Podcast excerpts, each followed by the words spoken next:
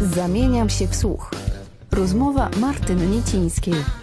Zaprasza kulturałpodstaw.pl To spotykamy się w bardzo miłych okolicznościach przyrody, prawie tak miłych jak Pałac w Antoninie, który jest pretekstem do naszej rozmowy z Agnieszką Wiktorowską-Chmielewską. Dzień dobry. Dzień dobry, tym razem pod zamkiem. Pod zamkiem w Poznaniu, w parku w, we wrześniowym słońcu. Chciałam powiedzieć, że nasza dzisiejsza bohaterka y, zawitała do Wielkopolski na chwilę z Krakowa, ale okazuje się, że już w Poznaniu od jakiegoś czasu e, mieszka, więc już jest prawie nasza.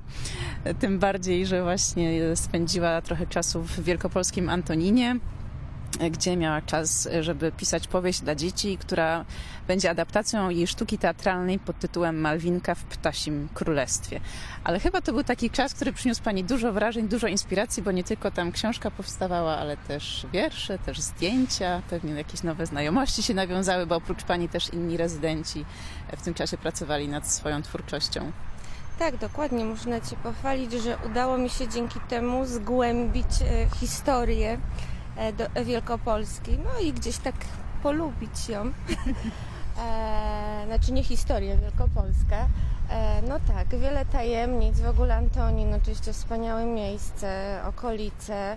E, no miałam tą przyjemność, że rzeczywiście e, piątka rezydentów, łącznie ze mną, to były zupełnie jakby różne osoby.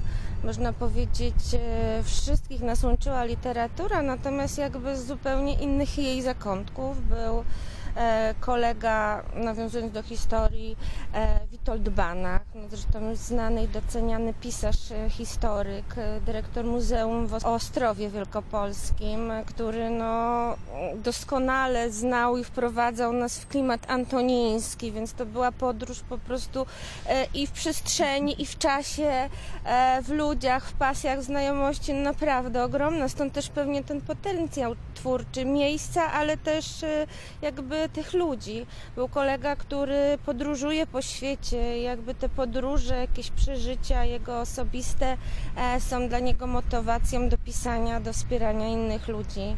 Koleżanka, która no, no powiedzmy tak, spokojna Ela, ale ma w sobie taki potencjał niezwykły. No i oczywiście mój kolega po fachu, można powiedzieć częściowo, Jakub Sajkowski, bardzo znany, zresztą lubiany przeze mnie, e, jeśli chodzi o poetykę, e, poeta i no, no i oczywiście tam na miejscu też wspaniali ci ludzie, pani dyrektor Anna i obsługa Alina, Mikołaj, Boże Sandra, naprawdę z tych nudzi lustwo, przepraszam, że nie wymienię, ale tak wszystko tam było inspiracją. Starałam się korzystać na ile mogłam. E, Były spacery, bo to oczywiście też jest dla mnie forma pisania. Bardzo często wyciszania się, układania pewnych rzeczy, e, układania, przekładania sobie słów czy zdań, jakieś nowe pomysły. Więc było sporo rzeczywiście lasu, spacerów. Muzyka oczywiście, bo cały czas towarzyszył nam Chopin. W tym pałacu, może w pokojach tak tego nie słychać, ale na okrągło praktycznie leci muzyka Chopina. Były koncerty, na które też, w których mieliśmy przyjemność uczestniczyć. E, Mieli być nawet Radziwiłowie w tym okresie w sierpniu, ale w związku z tym, że nasza grupa została nieco okrojona, a jeszcze wtedy dyrekcja jakby pałacu o tym nie wiedziała, więc po prostu im odmówiła. więc no, nie wiem, czy jest czego żałować, czy się szczycić. to był taki czas, gdzie nie musiałam nic robić, o nic się martwić. Jedyne, co, co należało do moich obowiązków, to jakby zająć się swoją i tą działalnością literacką. Sprzątali za mnie, gotowali mi, nie musiałam robić zakupów, nie musiałam robić nic. Wstać, pójść zjeść, wrócić pisać, pójść na spacer, wrócić pisać. No i oczywiście jeszcze do tego dochodziły spotkania właśnie z tymi naszymi rezydentami. Tak. Może powiemy teraz trochę o tej książce, która tam powstawała na bazie dramatu, na bazie sztuki teatralnej bardziej.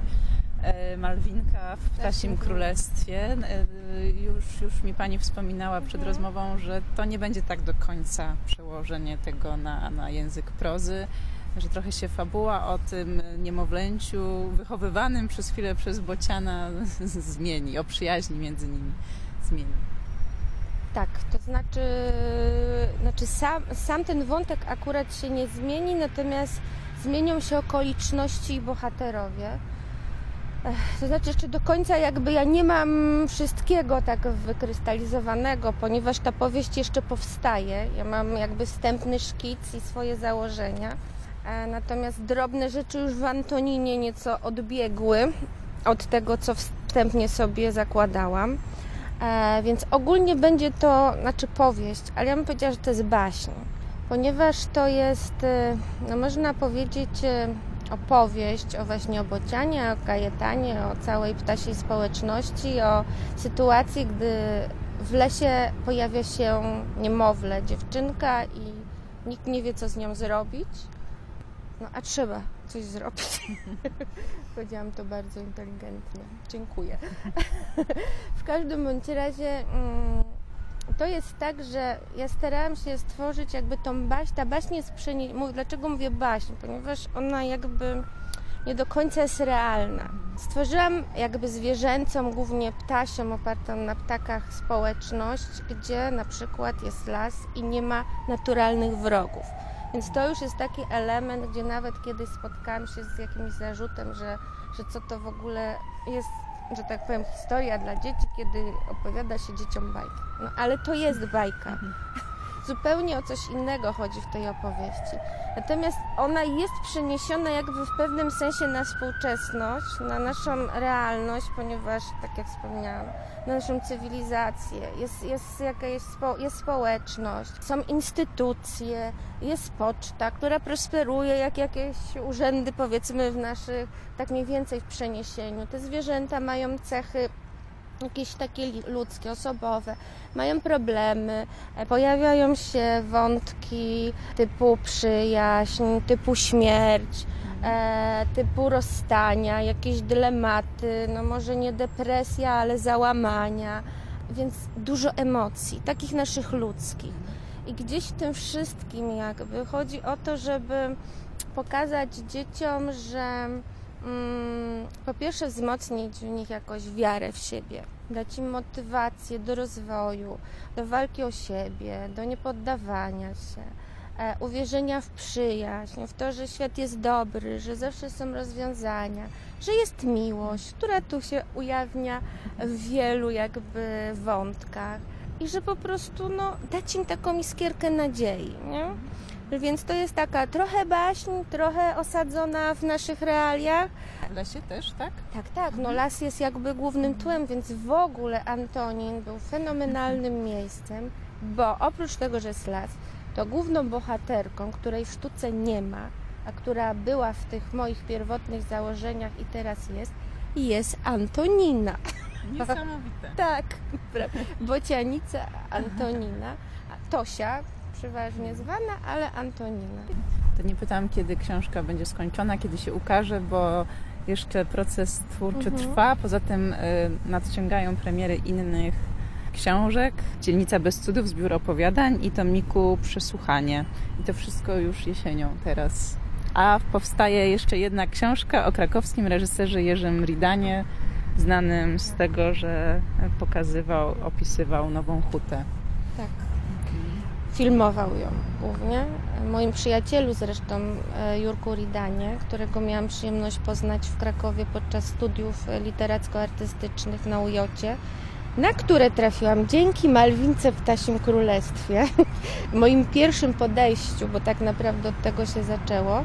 I tam powstała między innymi sztuka dzięki Jurkowi, e, ponieważ e, z jakichś tam opowiadań powstały scenariusz, z tego scenariusza E, powstała sztuka i tą sztukę wysłałam do Poznania na konkurs tutaj na, na sztukę dla dzieci i młodzieży w zamku. E, Centrum Sztuki Dziecka. Tak, tak, dokładnie.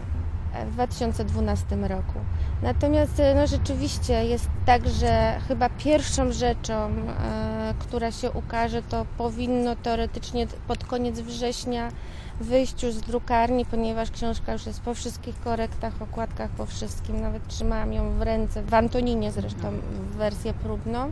E, to jest Dzieńca bez cudów, zbiór opowiadań, no można powiedzieć o dzieciach, młodzieży, takiej dość trudnej. E, tu książka akurat jest e, oparta o same zdarzenia są jakby autentyczne, natomiast historie są już jakąś taką moją dobrowolną literacką e, interpretacją, niekiedy bliższą życiu, niekiedy dalszą. Natomiast jakby książka jest osadzona w Szczecinie, e, w takiej dość mało przyjemnej dzielnicy wówczas, bo to są lata 80., 90., nawet 70., niektóre opowiadania Niebuszewo, ponieważ ja jestem w ogóle ze Szczecina. Więc ja sobie tak krążę po Polsce, czasem po świecie. I teraz tak. A w tej dzielnicy mieszkałaś może? Tak, dokładnie pochodzę z Niebuszewa, więc no Przepraszam, przyszłam na ty przy okazji. nic, nic nie szkodzi. Na Niebuszewie chyba tak trzeba. Więc teraz się zabieram, szczerze mówiąc, jeszcze po drodze Antonius wzbudził we mnie jakąś tam, znaczy już częściowo miałam część innej prozy, którą pisałam tu w Poznaniu, e, ale to jest o zachodniopomorskim, ale były wątki wrocławskie, no i też ruszyłam z inną powieścią o Wrocławiu. E, No tak, to jest Anton. Nie wiem, jak to ogarnę wszystko, ale do końca roku muszę te projekty zamknąć. Ja jeszcze chciałam wrócić do tego Szczecina i zapytać, jak to się stało, że jak już przeszłam na ty, to będę kontynuować, e, że studiowałaś w Szczecinie, Uniwersytet Szczeciński, ekonomia, Wydział Zarządzania i Ekonomiki Usług. Moje życie to jedna To był wybór historia. taki pragmatyczny? I tak i nie, ponieważ ja jestem e, osobis, osobistością, haha, już tego dam, osobą, która ma tą, no ktoś powie, że to jest wada, ktoś, że zaleta, ale ma tą taką dwoistość w naturze w związku z tym, że nie, że jest kobietą, tylko, że jest bliźniakiem. Więc ja potrafię w sobie łączyć te światy i rzeczywiście jeden i drugi mnie ciągnie, mam jakieś predyspozycje. Ta ekonomia to taki trochę był hmm, wybór mój nie mój. E, taki rodzinny, powiedzmy. Oczywiście nie miałam nic przeciwko, bo jakby te rzeczy, mówię, we mnie siedzą. To był bardziej marketing, więc już takie i reklama, trochę połączenie dwóch rzeczy. E, natomiast zawsze we mnie siedziała taka dusza humanistyczna. E, No nie miałam jakoś do końca i artystyczna, znaczy artystyczną rozwijałam powiedzmy w dzieciństwie, natomiast tej humanistycznej nie do końca miałam szansę. I przyszedł taki moment w moim życiu, gdzie już jakby wiele miałam i pojechałam do Krakowa. Nie no, to za długo będzie. W każdym bądź razie znalazłam się w Krakowie i to był już mój świadomy wybór. Moje jakby życie dorosłe związane z ekonomią, z biznesem, ponieważ w Szczecinie wcześniej pracowałam w bankach, później prowadziłam firmę. E, No tak się obróciło 180 stopni. Tam miałam jakby szansę w końcu dotknąć tej takiej mojej. No Kraków to wyzwala po prostu, taki jest. Magiczny, nie bez powodu jest magiczny Kraków, magnetyczny bardzo dla takich osób, które to coś w sobie mają. E, No i jakby to wszystko wokoło, ludzie, natura, miejsce, historia, bardzo namieszało mi w życiu, e, zmieniło moją pozycję, bo mówię, poza tym, że jakby przeszłam w ogóle w inną dziedzinę, no wiadomo, literatura jest taka, że tam nie ma pieniędzy, nie? przynajmniej na początku, to trzeba sobie z czasem gdzieś wypracować, albo jak się ma może znajomości. Ja byłam osobą w średnim wieku, powiedzmy w ogóle spoza środowiska, która gdzieś tam postanowiła, albo no tak trochę na, na siłę, ale powiedzmy, że postanowiła pójść za głosem swego serca i pasji. E, No i tak drobnymi kroczkami coś tam robiłam. Właśnie zaczęło się od jakiejś tam pisania tego pierwowzoru Malwinki, później się pojawiły studia. W międzyczasie szukałam pracy, nie mogłam jej znaleźć, więc cały czas się rozwijałam, pisałam, czytałam, pisałam, czytałam, czytałam. No i gdzieś tam powoli zaczęłam publikować. Moim pierwszym sukcesem był właśnie wygrany konkurs Malwinki. Przepraszam, że ciągle to obracam, ale to wszystko zatacza się kołem. Tak, pięknie. Bardzo dziękuję za to spotkanie i za tę opowieść. Agnieszka Wiktorowska-Chmielewska, poetka, dramatopisarka, redaktorka, animatorka kultury i magister ekonomii. I pewnie można by jeszcze różne takie określenia dodać. Dziękuję serdecznie. Zamieniam się w słuch. Rozmowy Martyny Niecińskiej. Dostępne na kulturaupodstaw.pl